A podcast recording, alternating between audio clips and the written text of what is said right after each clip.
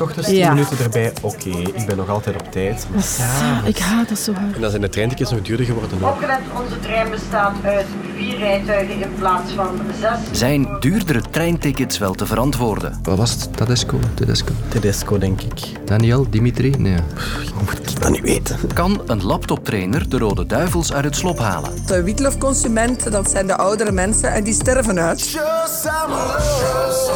Voor Witloof. Waarom eten we steeds minder Smakelijk. Ik ben Lode Roels, een fan van gestoofd witlof trouwens en de stem van dit komende kwartier. Welkom.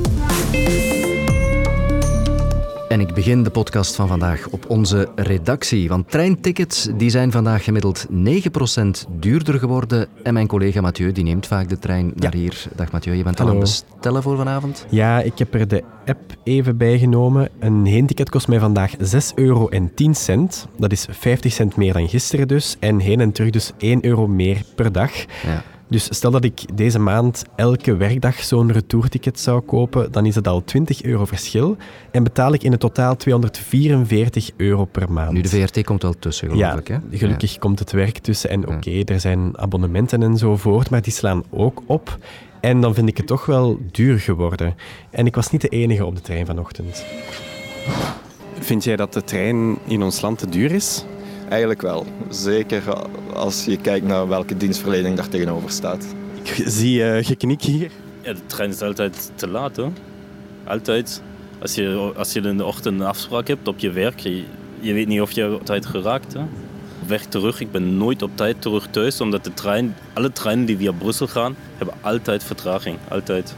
Dus jij vindt ook dat de trein te duur is? Ja, tegenover de dienstverlening, ja. En jullie, vinden jullie dat ook? Ja, eigenlijk wel. Ik vind het wel eigenlijk iets heel duur. Het is dan het makkelijkste vervoersmiddel soms, zeker voor studenten. En dan Wel dat je meer openbaar vervoer gebruikt en dan wordt het duurder. Ja, ja. Toch wat klachten en frustraties bij deze pendelaars die ons allemaal wel bekend zijn, denk ik. En daar komen nu dus nog die duurdere tickets bij. Dat is voer voor een expert. Ik ben Kobe Boussou, ik ben professor ruimtelijke planning en mobiliteit aan de Vrije Universiteit Brussel. Vier vragen had ik voor hem. 1. Zijn duurdere tickets te verantwoorden als er nog zoveel klachten zijn? Ja, gezien de stijgende kosten lijkt het me niet onlogisch dat de tarieven verhoogd worden. Anderzijds, als we dan ook nog eens de sociale doelstelling van, van de spoorweg en van het openbaar vervoer in het algemeen mee in rekening brengen, dan is het toch wel belangrijk dat in het algemeen eh, openbaar vervoer een betaalbare dienst is. Is het dan te verantwoorden om, om de ticketprijs te verhogen? Ja, gezien het gaat om ja, een kostprijs die in lijn is met, de met de gestegen uitgaven, eh, denk ik dat dit op zich wel te verdedigen is. 2. Is de trein in België duurder of minder duur dan in andere Europese landen? In 2017 heeft Eurostat een onderzoek gedaan en daaruit blijkt dat België eigenlijk zowat in de, in de middenmoot zit. Dus als we kijken naar de landen ten zuiden van ons, dan zijn die meestal goedkoper, bijvoorbeeld Italië en Spanje. Maar dat is dus niet het geval voor Scandinavië bijvoorbeeld. Denk aan eh, Denemarken, Noorwegen. Het Verenigd Koninkrijk is ook merkelijk duurder, maar zelfs Nederland eh, is dus een stuk duurder dan België. Dus vanuit dat perspectief bekeken kunnen we zeker niet zomaar stellen dat België een duur spoorwegland is. 3. Zal de prijsverhoging mensen weghouden van de trein? We weten inderdaad dat de aantrekkelijkheid en de opkomst van, van de reizigers voor een stukje gelinkt is met de ticketprijs. Maar het wordt nog sterker bepaald door de kwaliteit van de dienstverlening. Nu, anderzijds is het zo dat de trein het uitgesproken vervoermiddel van het woon-werkverkeer is. 51% van alle treinreizen waar bijna altijd de werkgever tussenkomt in de ticketprijs. Dus die ontevreden klant merkt in dat geval zelfs helemaal niets van de prijs. In het vrije tijdsverkeer is dat, eh, ligt dat voor een stukje anders. Maar ja, zoals gezegd, eh, ja, de kosten van het leven in het algemeen is eh, significant toegenomen. Als de ticketprijzen van de trein op dezelfde manier stijgen, dan zie ik eigenlijk niet hoe dat een invloed zal hebben op, op de reizigersaantallen. 4. Zullen mensen dan wel wegblijven door die gebrekkige dienstverlening? Het is wel zo dat, zeker in de periode voor de pandemie, dat reizigersaantallen gedurende verschillende jaren, decennia zelfs, sinds begin jaren 80 zijn, zijn toegenomen. Dus ehm, wat toch ergens wijst, in ieder geval op een zekere aantrekkingskracht, een toenemende aantrekkingskracht van het spoor. De klanten kunnen dan misschien ontevreden zijn, maar het zijn er wel meer. En dat betekent natuurlijk dat we niet zomaar het, eh, het spoor als ja, van slechte kwaliteit kunnen wegzetten, want anders zouden de klanten wel wel degelijk wegblijven.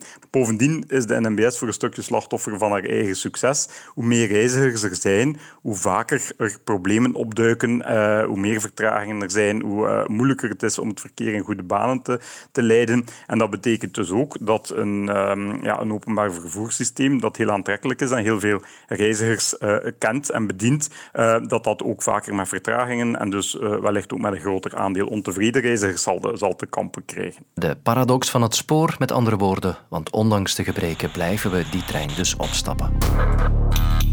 De podcast van gisteren stond net online toen dit nieuws binnenkwam.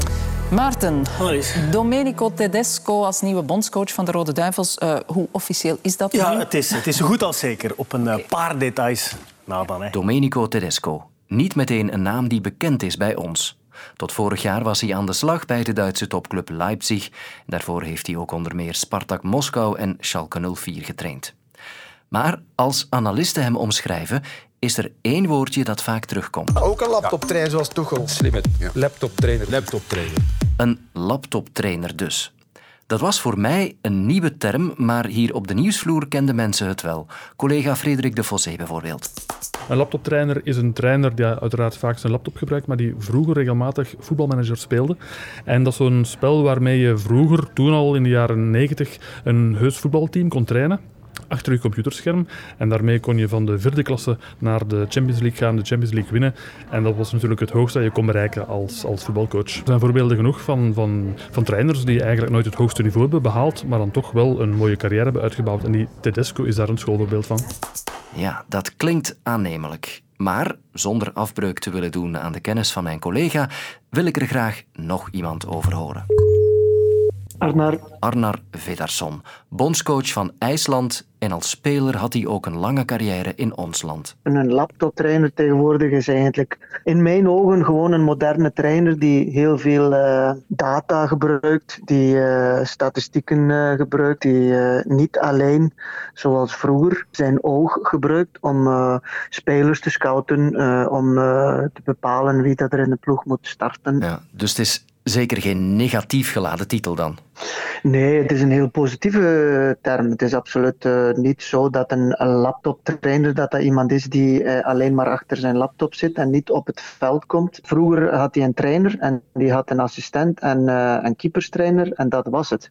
En deze drie mensen moesten dan eigenlijk alles doen. Tegenwoordig dan, dan heeft zo'n trainer een hele grote staf rondom zich en niet alleen één hulptrainer, maar misschien twee, een keeperstrainer, een data-analyst, een physical coach uh, nog een aantal uh, videoanalisten. De, een laptoptrainer die zorgt er eigenlijk voor dat heel zijn staf zijn takenpakket kent en zijn staf delegeert uh, via de, de, de, moderne manieren van werken. Ja. Heeft een laptoptrainer dan wel genoeg ervaring of voeling ook met het veld en met de kleedkamer? Ja, dat is en blijft een heel belangrijk deel van de voetbal. Want uh, als je geen uh, goede teamspirit heeft in de kleedkamer, dan kan je alleszins niet op lange termijn resultaten neerzetten. Dus dat gaat de tijd moeten bewijzen hoe goed dat effectief is. Gebruikt u zelf eigenlijk veel data? Bent u zelf een laptoptrainer? Ja, ik gebruik uh, zeker vast heel veel uh, data. Ik zie mijn spelers niet alle dagen. Dus de enige manier voor mij om bijvoorbeeld mijn spelers te volgen is achter mijn computer. Dus ik krijg ook heel veel data binnen. Dus alle weken ben ik uiteraard bezig met te kijken hoeveel hebben ze gespeeld. Uh, hoe waren de fysieke parameters in hun wedstrijden. Dus als bondscoach moet je heel veel data gebruiken om, om, om te scouten, om selecties ja. te maken. Wat denkt u, is Tedesco de juiste keuze om de Rode Duivels weer op de rails te krijgen? Kijk, mijn antwoord daarop is: ik vind dat de Belgische Voetbalbond een hele goede twee functies uh, hebben opgevuld. Ik ben uh, echt een voorstander van uh, dat ze Frankie Verkouteren hebben genomen als technisch directeur. Om dan een jonge trainer daarnaast te zetten, vind ik zeker en vast geen, geen slecht idee. Het enige vraagteken dat ik kan stellen is dat als jij gaat kijken naar resultaten, dan ziet u toch wel dat er momenten zijn onder onze nieuwe bondscoach dat er redelijk wat doelpunten, tegendoelpunten gestrikt worden. Dus gaat hij een hele goede verdedigende blok kunnen neerzetten. Uh, dat, dat, weten wij dus niet. Daar kan ik ook niet op antwoorden. Arnar Vidarsson, dank u wel.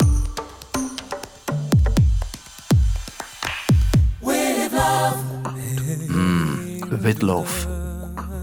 Lekker. Ik ben er behoorlijk dol op. Gestoofd of gesnipperd in een salade, het maakt weinig uit. En ook in onze VRT-cafetaria, de mes in de volksmond, stonden ze vanmiddag aan te schuiven voor een bordje gebakken witloof. De parelhoen met witloof, alsjeblieft.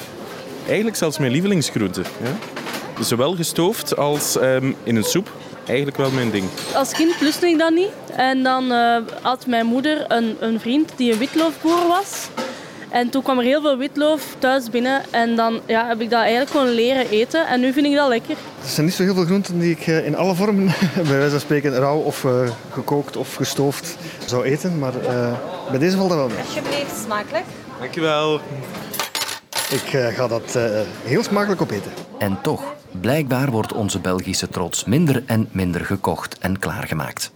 Volgens de VLAM, de organisatie die Vlaamse land- en tuinbouwproducten promoot, kopen we tegenwoordig nog geen 3 kilo witloof per Belg per jaar. Twintig jaar geleden was dat nog meer dan 4 kilo. We zien ook dat het aantal kopers van witloof dalende is.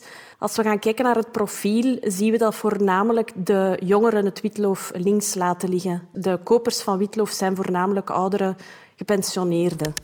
Ja, witloof is bitter, alhoewel dat de laatste jaren dat het niet zo bitter meer is dan vroeger. Maar smaak blijft toch een, een, iets cruciaal bij witloof. Je hebt de echte lovers van witloof en ook de haters. Langs de andere kant zien we ook concurrentie in de groentereon. Je hebt veel meer keuze als consument, dus daarmee denken we dat het witloof minder in het winkelmandje terechtkomt. Dat kan beter, beste landgenoten. En dus werp ik mezelf op als ridder van het Belgische witloof. Mijn doel? Het witloof terug op elke keukentafel krijgen, in al zijn verschijningen, texturen en smaken. En omdat ik die strijd niet alleen kan voeren, heb ik mijn leger samengesteld. Mijn Army of Witloof. Ik ben Edith Grauwels. Ik ben in de gemeente Kampenhout, schepen van landbouw. Maar tevens ben ik ook de echtgenote van een echte witloofteler. Ik ben uh, Sandra Beccari, voedingsdeskundige en ik werk heel graag met uh, witloof. Ik ben Tobias en ik ben een kleine amateur witloofteler. Witloof is zo'n veelzijdig product. Wij eten het minstens twee keer per week. Het is ook een beetje ons paradepaardje. En bittere smaak, ik hou daar wel van. Ik vind dat we daar een beetje ja, meer naar uh, terug moeten. Niet enkel zo de zoete groenten.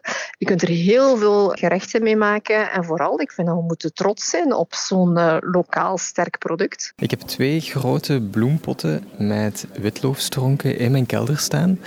Die ik uh, om de twee dagen in een bodempje water moet zetten. En dan groeien die traag, maar gestaag, want die groeien in het donker. De wereldkeuken is nu bij de jeugd um, in. De witloofconsumenten, dat zijn de oudere mensen, en die sterven uit.